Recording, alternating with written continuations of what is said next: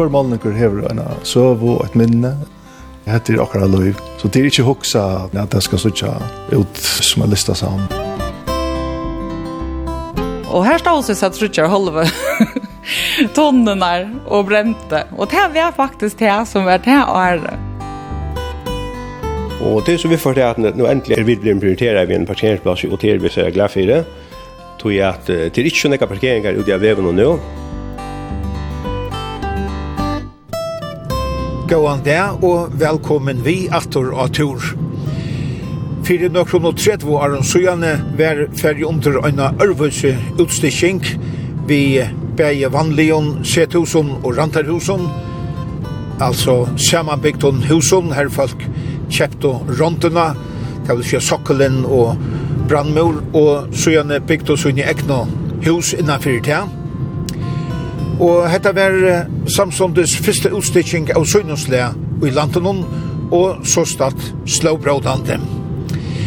Og i det stentor bøylingeren vel i lentenon og i høyvukseanon, og han virkar som ein halt, og ta tidsjøst som folk er velnøgt vi hesa kombinasjonene.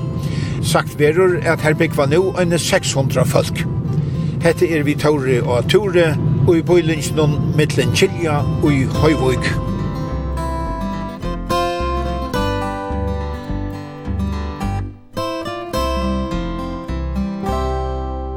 Nå er jeg inne tja formannen og i øyerfellene her mittlen Kylja.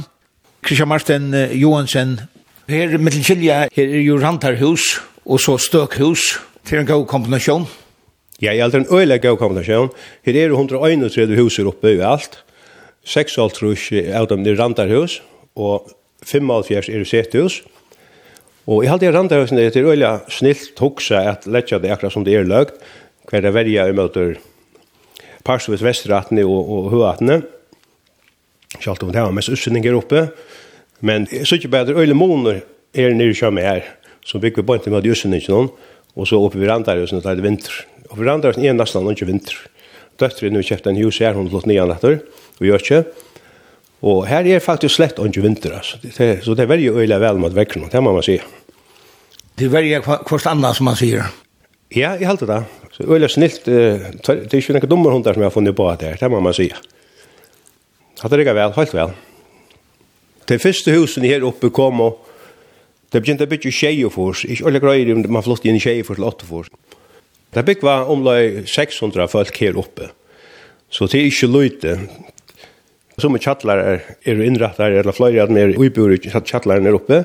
Og her bygg man så enten bøttene kja foreldre nån. etla vi er anker kjattlar og jævlig ut, og så er 8 hus som har fløyre uibur er oppe. Nekva sanne gremja det ju om parkeringsplats då att bilar standa parkera i alla stannar framvid och är det lampa. Här har det så ju ett nytt stort parkeringsplats på nya för det. Du ja. Vi där finns ju ett väldigt parkeringsplats här. Og det har vi faktisk strust vi i, i flere år. Altså, nevnte nu i Øyafjell, hun byrja på et arbeid faktisk i 2005, han nevnte seg sett da. Det har sett noen selv hver dag skriva til kommunene, og tror jeg også lov å tidst opp. Men vi tar så, kan man si, nesten av hver år i Øysen skrive til kommunene, det er sørste 15 årene.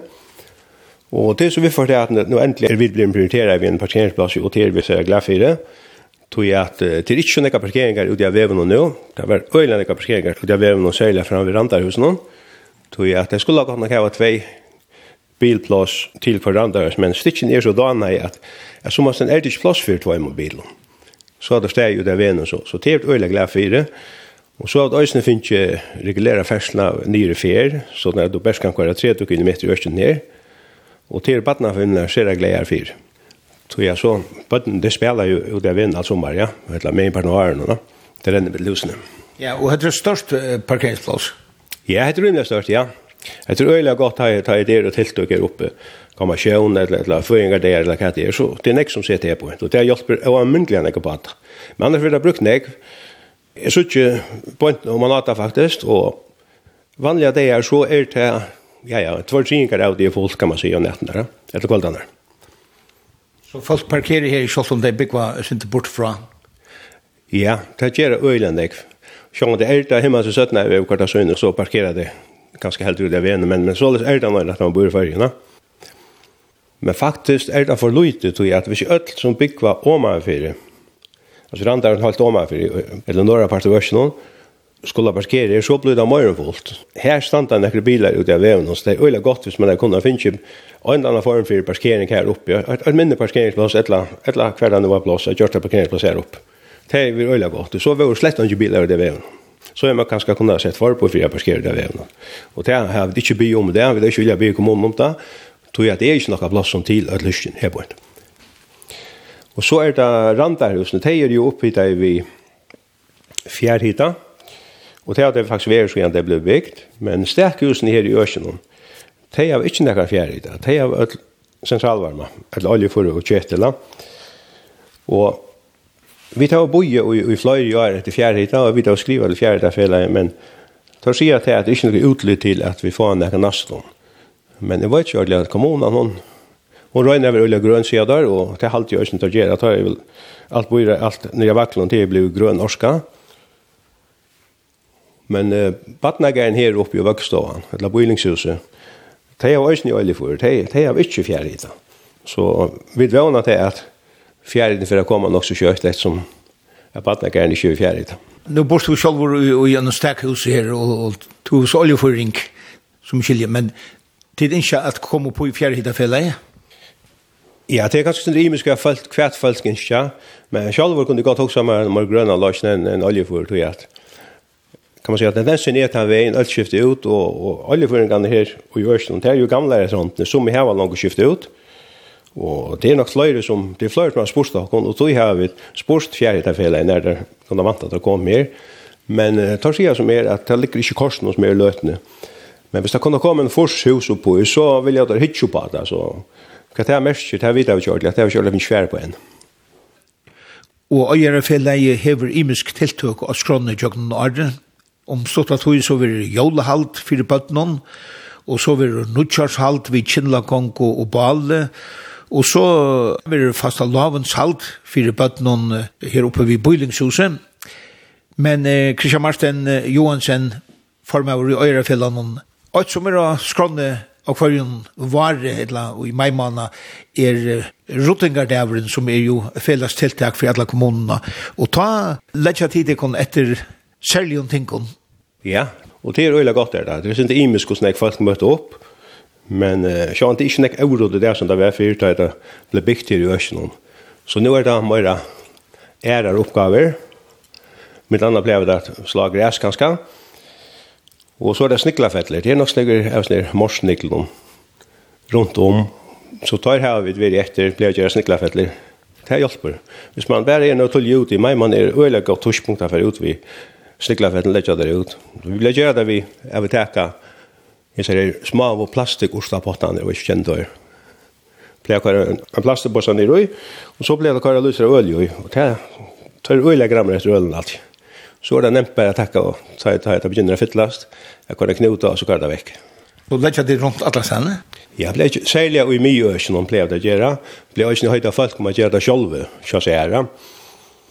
Så när man får bastu lukar som fela. Er det en stor trobladje her? Jeg halte ikke om det er men jeg halte vi halte om nere på handamaten alltid. Men hvis man ikke gjør, så, så ser man at det nøres. Det gjør man.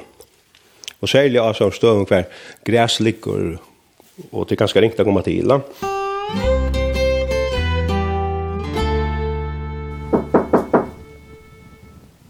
Hallo!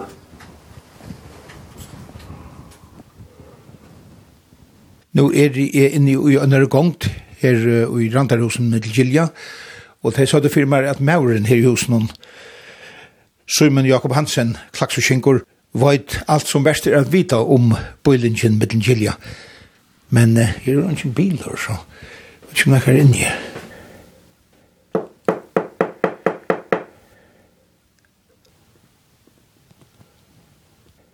Det er ikke hjemme. Det er langt ned.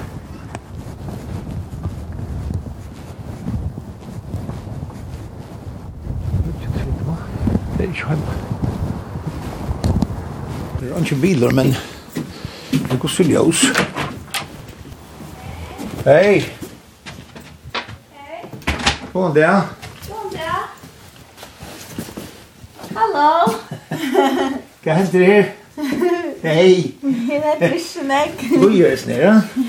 Ja, alvorlig, ja. Hallo! Hallo! Han är sex månader. Okej. Han er främmande ja, vet jag. Jeg er vi tåler tur i middelen kylja. Nå, ok. Helge Dam Syskal sa jeg stod av. Ja, han bor her. Ikke sørst at han lytter pappa sin, nei? Nei. Han lyst akkurat pappa sin. Han var han kjøpa brei. Nå. Ja. Kjøpa brei. Jeg skal komme inn, kanskje. Ja, kom inn. Hei, Alsje, vi tar vidtjan. Ha? Hvor er det? Jeg skal komme inn vidtjan. Kjent meg over. God det? Jeg stakk bare en av gulvet. Ja? Ja, ja, ja göra sendingar med Gilla. Svengur. Svengur, ja. Ja, hon har björn med en kaffebond, det är fint. Ja, det är. Vi får ha slöjt och knäck. Vi får ha slöjt och knäck. Jeg kommer ikke inn her i etter.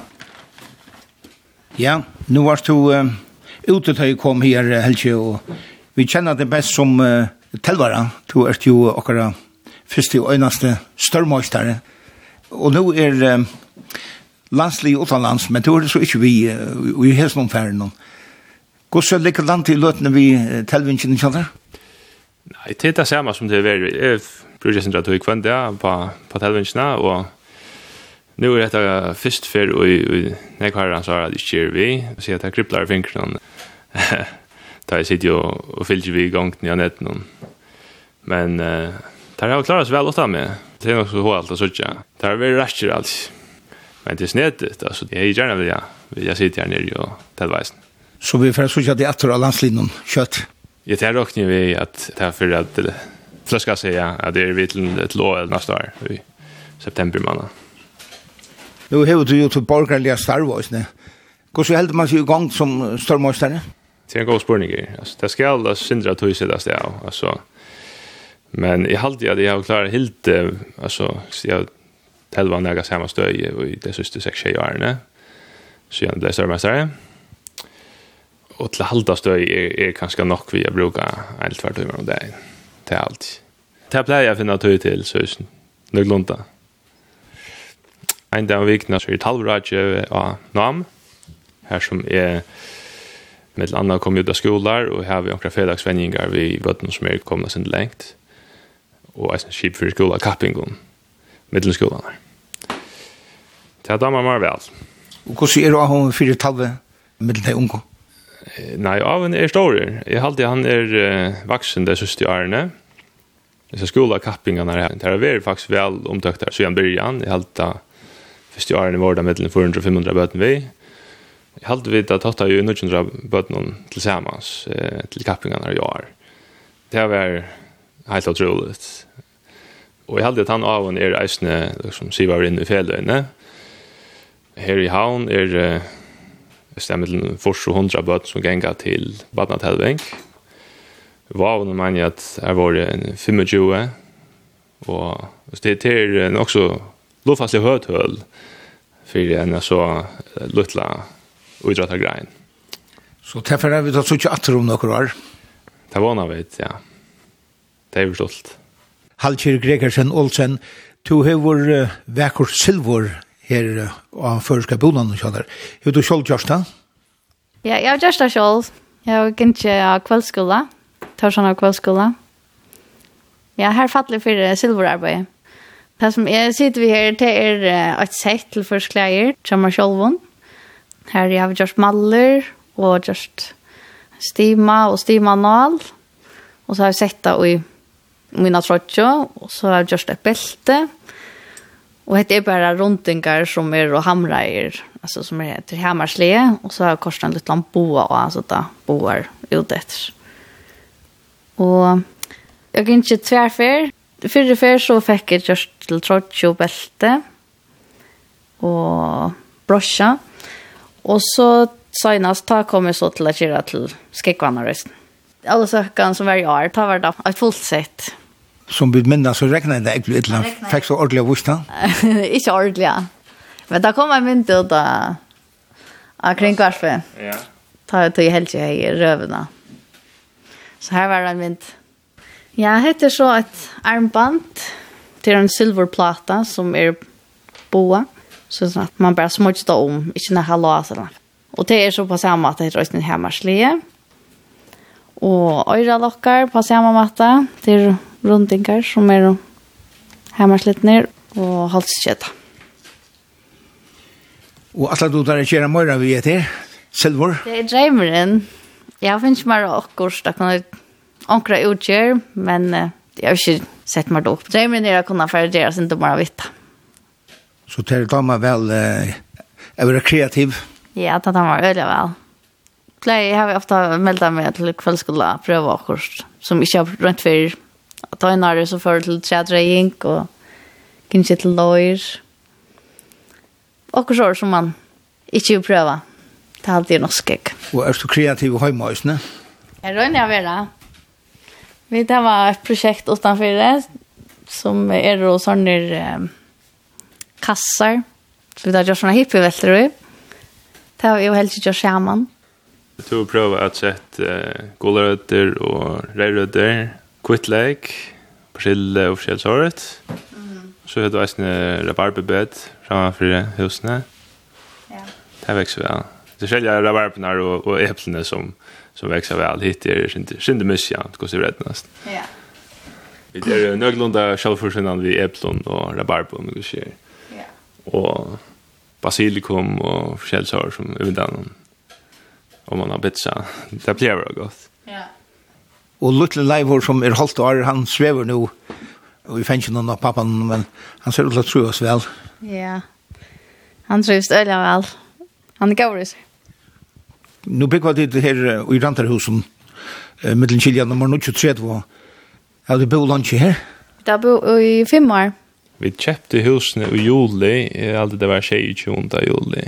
Ja, Boi jeg ut. Ja. Så det var noe spennende. Det var gav alle søker vi tok det etter husen og i en tvei år. Men så så vi hese husene, og det hadde vi gjort i några veckor. Og vi tilte til, hva skal vi... Ja, vi skulle prøve å gjøre en chans. Ja, det var det første husen vi tok det etter som var oppe i Høyvitsen, eller utenfor, så er mitt hårsavn. Vi kom inn i huset, da vi tok det, og det var ikke nye vi kom inn i gansjene, og andre åkken får inn i kjøkkenkøkken, og andre får etter gansjene. Da vi så møttes datter i stovene, da nikket vi bare til hver annen til at dette var det. Ja. Jeg, hadde, jeg fikk beina med en god kjensle å komme inn her, vet mm. følte jeg at dette var en vel bygd og vel hilden hus, og det var en sånn, jeg vet ikke, sånn hundalig damer i damen. Mm. Vi vet, følte beina med her, får vi nok å drivast. Mm. Ja, trivas ordentlig vel. Det var ikke for meg, jeg kommer jo bygd, at det ikke mitt i. Vi där var flytt, flytt ut sen igen i igjen, og, og her det er ikke mer så fyrer man ser ross og neit oppi av høvdene, og, og her er reisen i vetren. Ja, så tar vi flott nian her, hvor uh, ikke negv uh, folk av okker aldre, nu er det smekkfullt av bøtten någon. Bär i hans här aldrig och lösen det aldrig, ja. Jag blev det lövligare, vill säga.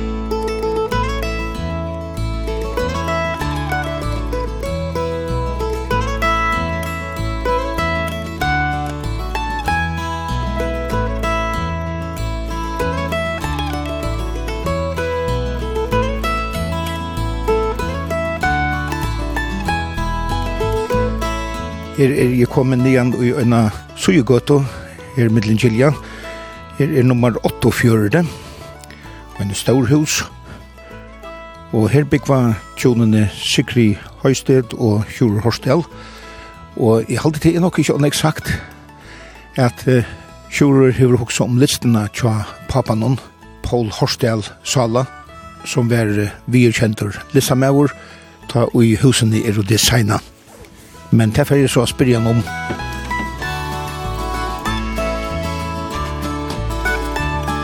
Her er nekk for målningar, nekk lysaberg tja papadunum. Sjur Horsdal, for meg ser det ut som at husene tja det kun er å designa i til lysabergene, er det så det? Ja, det er kanskje ikke sånn eksakt, men sjå inte tar vi Altså, vi da bor med Gilja Søyan 1996, først i Randarhusen. Og setten fikk vi så målaga til å bygge en hus oppe. Og da vi bygde det så åtte vi målingene. og her vi har vi sjående om at vi må ha akkurat vekker her det går plass til å henge store målinger opp. Så da vi flyttet inn her i 2009, i høsten bygde vi nå, så var lea mannen for plassfyrsten i store målinger. Nå stod det står her, her er høyt, som man sier, oppe i loftet, og så her er store målinger som henger her. Ja, akkurat da. Ja. Alltså själv damer mer väl stora målningar. Alltså i väve och i gitt pappen just att säga till nekra målningar som han har målat här i stor. Det ger själv alltid ta målningar stor. Paul Horstel pappen kjente lista med år. Jeg synes ikke, av fleste målningene er, er jo folk. Ja, folk. De som henger her. Folk, og det er ikke alltid vært sånn. Han kom til færre, jeg synes ikke han var utlært ur skoføte, og papen var skovraktar i en slott i Danmark, og til alle som korsen han skulle være til, men han har alltid tegnet han ekv og malet han ekv. Så ble han på av først og liten noen i natturen og luftene, og han bosett seg av Skarvanese, og begynte å male, og nekker at han første malen fra tog togene til hus, tar sin døkker, men blir også jøsere. Og sånn er det så blir vi nekv, som du sier folk, mennesker, Og jeg halte, jeg halte faktisk at jeg er selv uh, motivet av nekvene av målningene. Mamma må inn og en bæg. Uh, til hun her, hun kan store målninger av mer, og her hun kan store målninger av mamma. Og at her hun store målninger av mer, her sitter i vinteren, uh, ta bo vi til Mattala, i en liten hus til Mattala.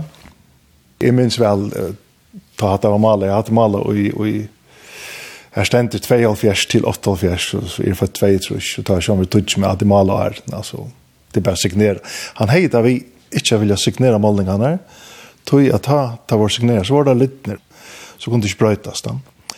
Tog nekra målningene, som vi tar var ikke signere her av framsynet, men av baksynet, her stender så navn og sort. Ja. Er det så alt målninger som du har arvet pappa din? Ja, det kan man säga. Uh, men det är en chapter. Det var så lätt att uh, han dog ju till var 19 år gammal, och ta hette föräldern som var beskilt i en tutsjør. Och um, det blev så ett allmän skifte till han bor jo ensamhandler i Köpenhamn. Så det var for en oppesølle, målingene. Jeg var 19 år gammal, så jag får så om han i spärkassan. Och det var Johan Johansson som var spärkassan sjøret da grøtte hun fra at pappen var deier og han malere, og jeg atle jeg kjeipa målninger av seg oppsøkene. og han sier, ja, hvis det var enda mal, så skulle de få alle han fra henne. Jeg minns ikke akkurat hva oppad vi er, men hun var stor og lukket til en nøytjønner gamle drong. De fleste av de store målninger som vi har, tar jo kjøpter oppsøkene i samband med at Bikvichon ble gjørst opp. Og det var jo kapping vi, vi ånder. Ja, ja. Akkurs ble uisodors ganske igjen. Jeg minns en målning som jeg atleimer, han han ville ræva gjerne heva, og så var en anerkjente malare som heter Trygve Ålason og Øslandiker som Østjekka konstant med sammen vi Sækars og pappa min han bjør i firmen og han helt hatta ble for dårst og så og da så fikk fikk ikke akkurat han målningen men det er ikke vi han er så hanks og anker her, så har anker seg vel og er det nekker av som som du er særlig glad over fire? Eh, ja, det er brøytest alltid som Arne Genka mer dumt, eller vel, så er så mange enke er mamma og mer. Mm tar alltid haft en know, centrala placering i Mekjokkom. Men uh, vi tar jo en ørgrunne av skitsen og holdet noen målningen og tekningen og alt sånt. Altså. Og som Arne Ginge så holdt det här fra marmar vire. Akkurat om hyggelig etter så kan man säga at det er ikke helt livet, men da du så rammet det inn og hongt opp så, så blir det helt fantastisk. Pappen han, han fikk en oppgave at listprøya fessan av landsjøkrusen bare den ene ble liver. Han som er cirka 5 meter uh, breier. Ja? Men uh, jeg har flere skitsen om det er sånn jeg minnet, det er, er lyttlere. Ja? Til, til atlanda som så ikke ble fullkjørt, kan man si. Ja? Men til er sånne, jeg vet ikke om jeg kaller det friser, eller hva det er, men altså, sånne, sånne avlenge målninger som stuttlet at hava. Det tar hava bæg, det er vekker i sjålen ser, men det er en søvvarsn utan. Og pappetun er litrykker og, og ljøsor, altså. Til ljøsor liter han brukar. Ja, det er det helt, helt visst. Hva fall det er 17 årene, altså. Så her er noen, noen mindre av mer, det var smadronker, her, her er døkker, kan man si. Og jeg har noen mindre her ute vi, vi ur havnene fra første trusjen til Øysene, Myska. Men ljøsor i fargen, hun tok han, han så hun. Det vi gjør for nekva maler. Nek vil just grønt og, og, og gult. Nemlig, ja, litt, litt fakrere. Altså, han tar jo unger, 45 år gammal, og til en, en tydelig gång till männen kan man säga från tackar mallen kom till Josar. Det blir så här Tar det hända hända lilla mynt ner hon nog stuttlig. Det säger Heinsen på på mynt har kinka konstakt min samman. Og her vi så kommer vi till hjemme til William Heinesen og Lisa. han. Og så tar jeg jo, jeg som 20 år gammel fortalte jeg, nå har jeg funnet meg en åndest. så tekner jeg William her, jeg ser teknikkene av Sikri. Så heter det mynda Sikri som William Heinesen tekner. Kone kommer. Ja. Hon er ikke noen klæven her. Nei, hon spiller nær ikke. Det var det fleste kvinner som William tekner i alltid. hon står ikke modell. Det skal sies, hon var ikke nærmest modell. Nei. Og konan og i husen hon her mittlen Kjelje 84 er oppvaksen i Høyvåg, men Sikri Høysted, to er oppvaksen langer nyrri i Høyvåg, kan man skia det? Jo, det er, ja. Og det er sin drøyvis jeg bygger her oppe nå, kan man si, at det er ikke som uh, Tannhøyvågen som er vaks oppe i, men her er det veldig nek folk som flytter nyan at heima som er ikke på at man skulle sammen vi, og vi har skola og fylltes vi eisne. Mm først vokste opp nere i skrattarhusen om, og som uh, tøtjere kom og flyttet inn igjen av det som vi kallar for snopphyllta. Da hadde foreldrene bygd en nødt hus oppe i Gråthusveien, og overst oppe i Mannbrekken. Og her bor vi så egentlig flyttet til Danmark skal jeg lese, men da vi flyttet hjemme, så kjøpte vi dere hus her oppe. Og med er øyla godt å bygge på nekva matar. Altså, her er så nekva vekrar gøter å genge etter, her er så nekva natura, her er så nekva hege, og da damer man så vel at jeg genge tur, nå har vi et hundeisne, så det er nekva fantastiske turer ute i notturene som man fær. Så er det nekva gøter i middelen bøylinga, Ja, alle stedene, ja, og det er jo helt fantastisk at kommunen gjør så året. Møllet, altså. Og vi lykker helt veien her är. ja. Och man kan komma längt eh, utan om bilarna. Alltså, faktiskt har vi inte en gång några eh, bilar, några ställen här. Bara inte så vi byggva. Och gänga tur vi en hund som är stor ansett bilen. Det är så fantastiskt. Vi kan gänga ordentligt längt. Alltså, utan att få komma och i, i Grand Blanche och några bilar. Alltså, och egentligen kunne för helt om man uh, abonnes nästan skulle bare i rom några få veier av en och bara gänga och heja och etter gøtt. Sjur Horsdal, om vi skulle gjøre det oppe i Lysaberskong, hvordan er det du etter pappa din?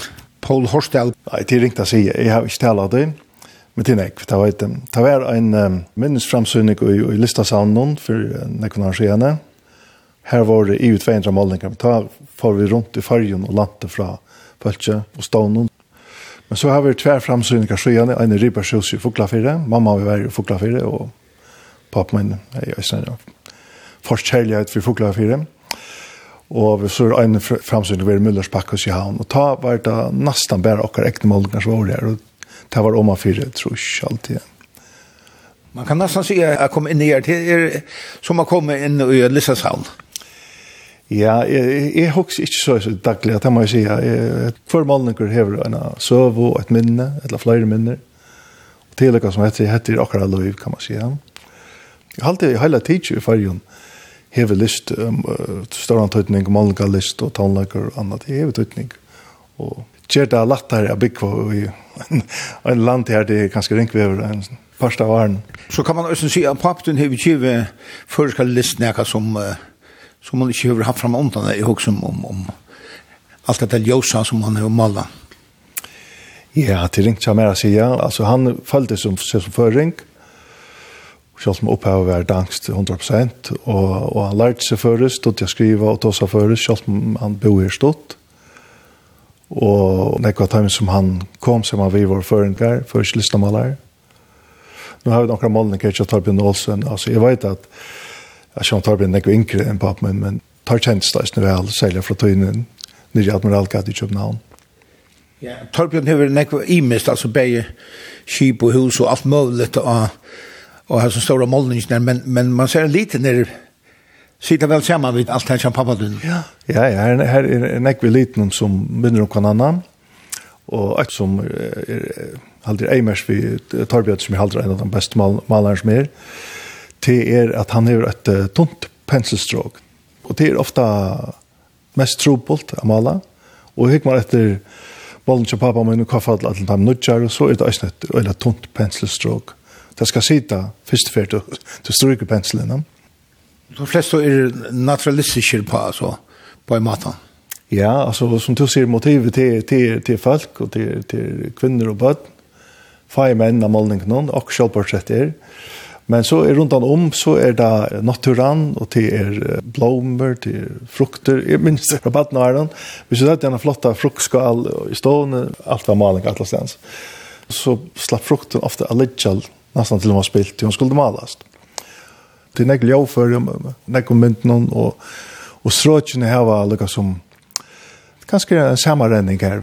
Tonlökor och foklar och blommor. Ja, ja nämligen. Här här honkar en Her hongra molningur vi først kom fiskskipen fra Trusjnån, kan man sige. Jeg dimmer hette motorskip og, og sånt. Og pappa var til skips i førjen, han sylte vi guldtrensja. Han sier ikke noe mer, men heter eldre skip. Ting kan jeg snart så kjønn, og familie som sier farvel vi for pappa som fer til skip, Sant?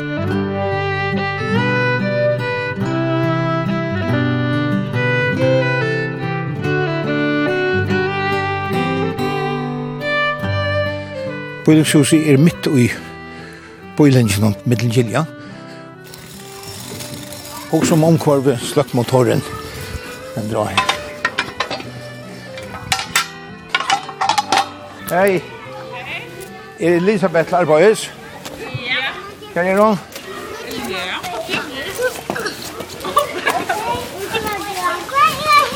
Nu måste vi över och spela ute. Ja, det är det. Hej. Elisabeth, var du nöjd? Det är ju på rätt inne, gej? Åh, kameran. Hon är inne här, ja. Kan inne? Kom här. Ja. Hej. God dag. God dag. Hvordan er det arbeidet Och arbeidet? Og så vet jeg ikke. Jeg har arbeidet i 15 år. Og tillsammans, sammen, så en det 42 år. Til kommunen. Det Du vet att det här som lämnar här. Där kommer alla gostar ut. Tårder eller? Visst, jag har försökt snacka med Elisabeth. Körde du som kabattnasändningar? Jo, då. Jag minns det. Gör du det? Du, vi var så brända i kärra att vi bjöd och kom fram och kom tjån värsta. Att man Lisbjörg var som var med. Så vi var praktikar till Sakars. Och med alla. Säkar och Sala. Ja. Så, och med alla kanske hon det glockan. Vi gjorde också glockan. Ja, passar. Ja, ja. Ja, ja. Elisabeth Rasmussen, du er oppe alt nek bøten her i bøylingen? Ja, det er vi. Det er nek bøten per mittel munna fingre. ja, jeg tror en vanlig bøten her. Tver bøten her står over, og en vøkst da. Her er det om fjørte bøten. 14-15 bøten her er bøten her står over, og en 20-tallet var vøkst da. Jeg har vært i 40 år. Først som uh, hjelper folk og sønne for skolen arbeidet ute av velpassavinnen, vattnageren her ute, og jeg har vært uh, ta etter kommende kommansmøyre, ta etter bysselund i det, og så har vi vipene her i arbeidet. Og løkmannen ble det vesten her. Og tar man hver sånn jeg var, og jeg ser bransjen, altså, først og lukket spent hva morgen til arbeid? Ja, det er ferdig. Til at ånden der er lukket, og ånden bøten er lukket. Det er spennende arbeid, det er godt arbeidsplass. De fleste er i bøylinjen, men annars er det er hans fra i bøyen. Ja. Jeg bygger selv med til her har vi bo i nekvar. Og en tredje var Meira. Her er godt å bygge, helt sikkert. Vi bygger i Randarhusen. Ja. Så vi er nok en av de få som er de opprunne folkene som slutt inn i Randarhusen. Så det er nok sånn utskifting? Ja, det er nok utskifting. Ja, jeg har visst at, at når jeg var bøtten som, eller de som var bøtten jeg på er flott atter og har stiftet familie og har kjøpt huser opp. Det er nok stolt. Så i ankerføren er det ganske annet atterlig to anser nå? Ja, ja, det er det. det er alltid stolt litt. Det er alltid. Alltså att få glädje av Bullenshusen som, som byggve här. Det är halt och, och jävla träver tentra och så kan man bruka huset här Om det ikke vikler utenfor, så kan man alltid fære inn. Ja. Før tar vi flotten igjen i boilingen her, ta, ta våre veisler, jaunan helt nær, altså, årsveisler, og, men det er alltid fannet bort. Det er ikke langt. Det er ikke veisler langer? Veisler har flott seg ærestendes. Veisler er det.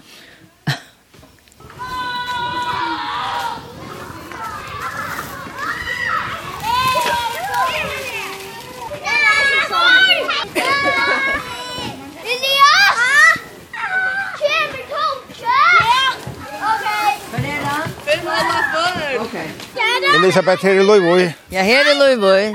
Hei Jonas er her. Sandkassan hon. Er det at han populerer så steg, Sandkassan? Til, vi tar, i blir større borg, til at det er at han frier, til at han nesten vel av det. Klatra og, til sykla og, vi tar vøtlen så innan av her. En sånn FIFA-vøtl. Å ja. Ja, her pleier det sparska. Vi drar ut og kvønte. Kvønte i øtlom vekkere. Vi lærte oss noe etter omstående. Og bøttene tog man vel ut? Ja, det tog man vel ut, men det er alltid anker som ikke tog så øyla vel. Ja, vi gjør en ekvatorer, og særlig ut av husen, og kan den ene det. Bæg vi busser, om man er bøyen, og man er fjørene, og, og så tog det her oppe i Grannalandet. Bare Niklasen, to erst uh, oppvaksen langer nere i Høyvik. Altså, erst du Høyvikinger, eller sier du at du erst ur havn? Nei, Høyvikinger for søren ikke. Vi tar, vi tar i bæg i postnummer og, og bruksene i Høyvik. Og nå, jeg snakker gav om håndballspillere i snett. Nå går man ikke at man er Høyvikinger. Det er man noen gang gjørst, men, men nei, det er helt godt å være. Jeg er en av de helt fag som ikke har spalt eh, håndball, men stadigvæk så fyllt man sin vi jo. Jeg gleder til å vekkene, ja. Alltså jag hade du är ordentligt året men jag hade det tatt där i 15 år åt hus uppe. Og her, her var det trivs vel. Hausingar, det er en spetstes, man må være nabland. Det sier ikke alt. Jeg kjøpte husene fra Ferens kommando da. Det var tatt av drossla nyer og alt det der. Radar som legges nyer og det var godt hoskott og sånt. Så ta, hästa är så fruktene er å ta. Og slå på ned. Det er veldig dødt. Det er en badna vinner alt kvarter. Det er trivs vel her. Som jeg skilta, så er det andra kvart hus, jeg synes det breitere, og, og heter så en av dem smalere, men, men en av dem som har bo her fyrir hus, en bygd, jeg synes det ut nyan efter. Man har lov til at bytja nærka ut, og så kan man søtja sånn om det, og jeg snitt her få garasjer. Det er det kanskje helt nekva garasjer, men bilen kostar jeg snek, så man må pass på der. Jeg synes ikke det er så mye som har garasje fremme av fire. Er det noen særlig regler for det? Nei, jeg, jeg halte det fleste av har finnes lov til det. Det er bare om, om om uh, nabrykkene vi prater og om man bor i vil, så kan man det. Jeg er bare ikke kommet så lengt enn, nå får jeg så tjokk til å Men, men her hentet hent stadig ting. Nå er som vi er som li om av fjåken nå, alt det. Alle mine tog nå. Nå er det også gjørst. Han kommer nok så tatt på, han. Ja, vi er sin spent på Augusta for, for hildnast vi venner, men det så det var øyla nåst litt, og Gjørsna som gav en backa fram vi her, så at rock med derfor ikke larma at det stora. og jeg ser ni igjen til sikkert, at la nu nå, nå sitter ikke men, men, det kan være at det er ikke at han er her legal. Ja, går ser det vi tog, jeg var så tatt innom Storm Bøndagerre. Jo, jo, han, han er veldig rasker, og Jag ångte har flent etter at, att, att. vi pjør en gang hitje ut, vi vet veldig gott. vi vet nästan lukta det ångte. Men så sitter jeg, bojer ni ju innan inte, jo innhenta, grensene for är för vår. Men alltså här till, til, har du så vi nöjt til kort om man av vägen länka och... Hur ska ikke vi kvart tar för att komma ut till dem klockan 8 om morgonen? Det är øyelig rengt att komma ut. Så jag kan nu sådja det bräcka här, här nere. Jeg håper at jeg gjør två spår. Det er 35 minutter av måneden om du slipper ut, eller om du skal stande kø øyla landje. Men heldigvis er det folk som, som er øyla fitt av lovåkene ut middelen herfra. Jeg ångte alltid det nästan forfitt, at for jeg fem bilen fra så vennen, så glemmer jeg at det er halvt rusjon snart alt han fyr, men, men visst det er pris på det, det gjør vi ikke tannparsten lättare ta till få samband vid ringvägen här om man för ja. Ja, vi vant att det var det var lättare och och som är här gånger onkel i skolan Arjehamra så tandlägen det var nek sjå der, jeg på en. Her ringve og bergkål, hva var det? Var alt Men jeg halte eisne, det er simpelthen bare mer bilar nå. Det er, det er eisne ut at det ikke er multitøy, så er, det er ofte bilar man skal stegge for det. Det er ikke gammalt. Og bare tutt borgerlige starv til å være løyere og veverstål følge. Og hva er noe veverstålene som vi med landa så i det og vik og tverfra vikene og høyrra ofte i, i morgen sender ikke til dem i utvarten. Og en førisk og hun er sjålvande neio. Ja, altså, det er halta vidt øtlenføren, og, og, og, og det er tog til til vi skumpa under for å få åkte gongt. Eit er det som kom godt i gang nu, at vi i milinsene, og i morgenutvarpen og, og, og i sjåvarpen eisne. Men hittir eisne at uh, få til lokale vitane vi eisne, som, som uh, ikke nøvstarmon her vi, vi tana som man finner her Til døms nå er det her vi gjør Nå sier det tvei og arbeider vi VR-modellen som fer opp eh, og en oppløsning som er 500 meter mot til som, som beste som Arne har vært 2,5 km. Så det her er det vi at den tar avskan som, som fjall og fyrer heva av veverløygentene. Nå fer vi mer og smalloder vi at vi få, få alt rett vi. Altså etter vi teltemodellen, og hittil så eisen vi at det var fyrast rundt allt landet att att tosa vi veverkvann och öknarna så att det nya fält som man vet om lokalverkare skiatter och gåratter och så vidare. Jo, ta ta hand om allt det här lokala ja.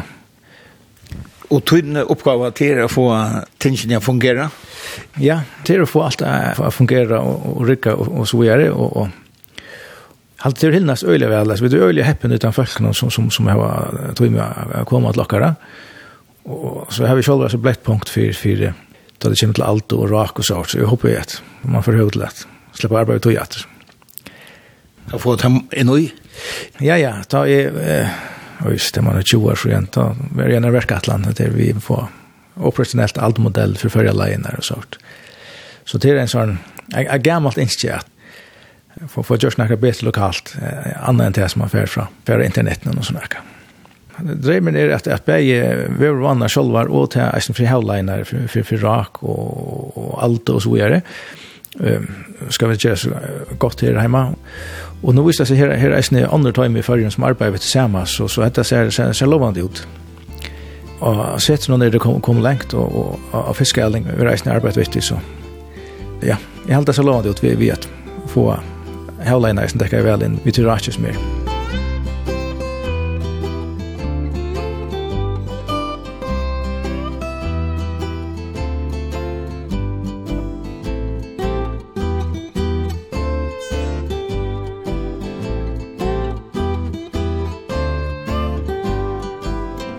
Antordis, Kjeldeberg, Hellesdal. Du erst oppvaksen her i Middelkilja, og nå borst du atter her mittlen Kjelja. Hvordan er det sammen? Jeg flott uh, ur noen, da jeg har vært 23 år.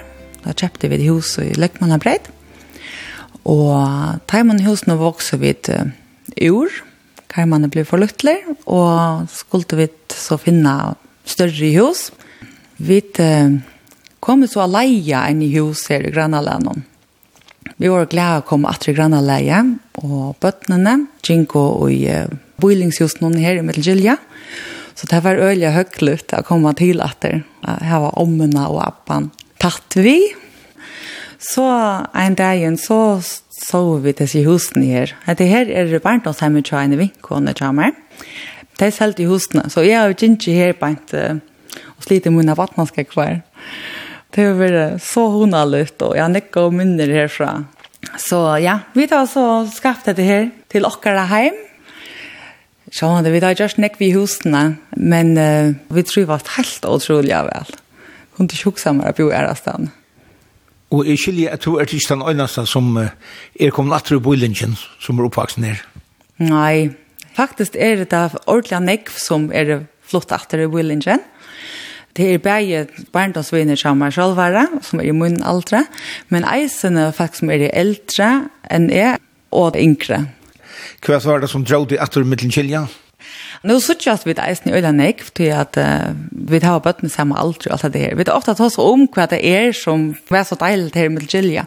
Altså, hegen er beint vi, bøndageren er her, og Eh uh, tvær og eier som vi minnast hvordan vi tvenger oss uil og hiljar og er vannkolver våre ui og alt dette her. Men så halte jeg eisen at hese her rantarhusene kanskje gera at det blir så honalet. Altså, det blir akkurat som øle gåer sammansjåer og boilinger faktisk. Her er jo rantar hus og støkhus og altså så terker vel saman Ja, terker helt utrolig vel. Ja.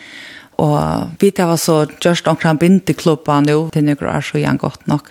Men omkring bindeklubber er det helt fra første han tog jeg av. Det skapar en sånn hona at man detter inn av gulvet til hver en øron.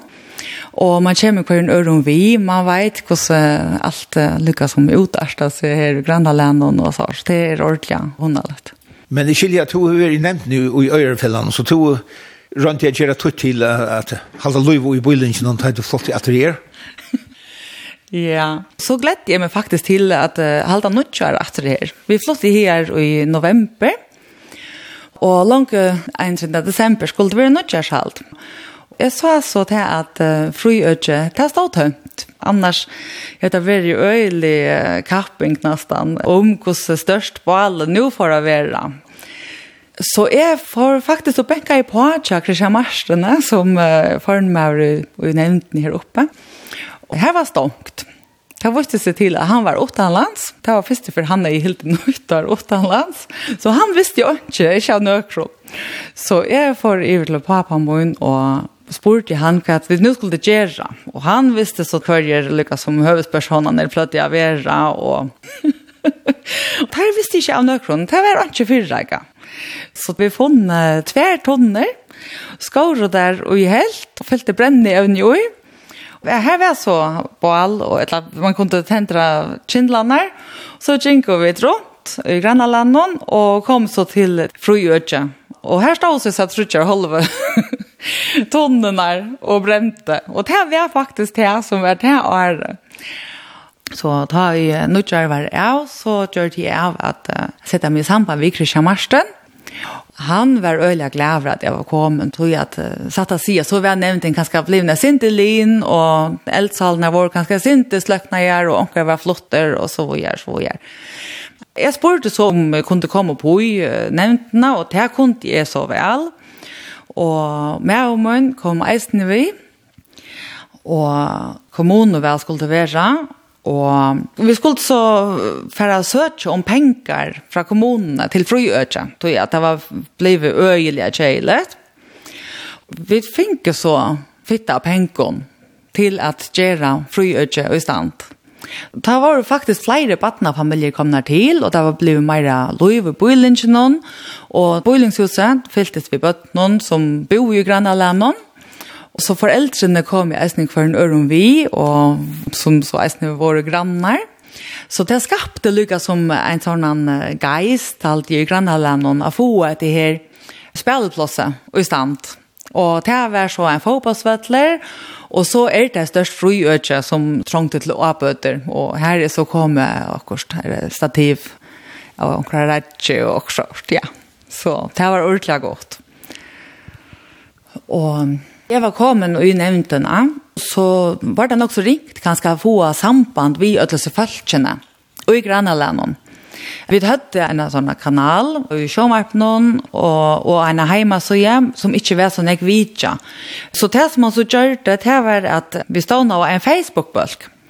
Og på den måten så finner vi et öll at uh, lykkes som køyre så en granna og i og, og, och det er ikke smavis av folk som er og i her, men att vi er sånne folk og i ägarfällan någon. Så han balkgrunn, han teller flere hundra og i det. Men her har man finnet lukka som fæter av feltje, og finnet kunning kjøtt ut, og det var øyla stort litt av suttja kvoss vid finko, og hentan her bølten av rodl, og så blei han bara større og større, som en sånn kava bølter. Men så skal jeg eisen si at, at, at, uh, det har eisne vært nøkker som har vært her alle togene, som virkelig er et trygg å møte opp, ta det ene ekka, og, og som virkelig har sett så inn dom og alt tiltøk og alt.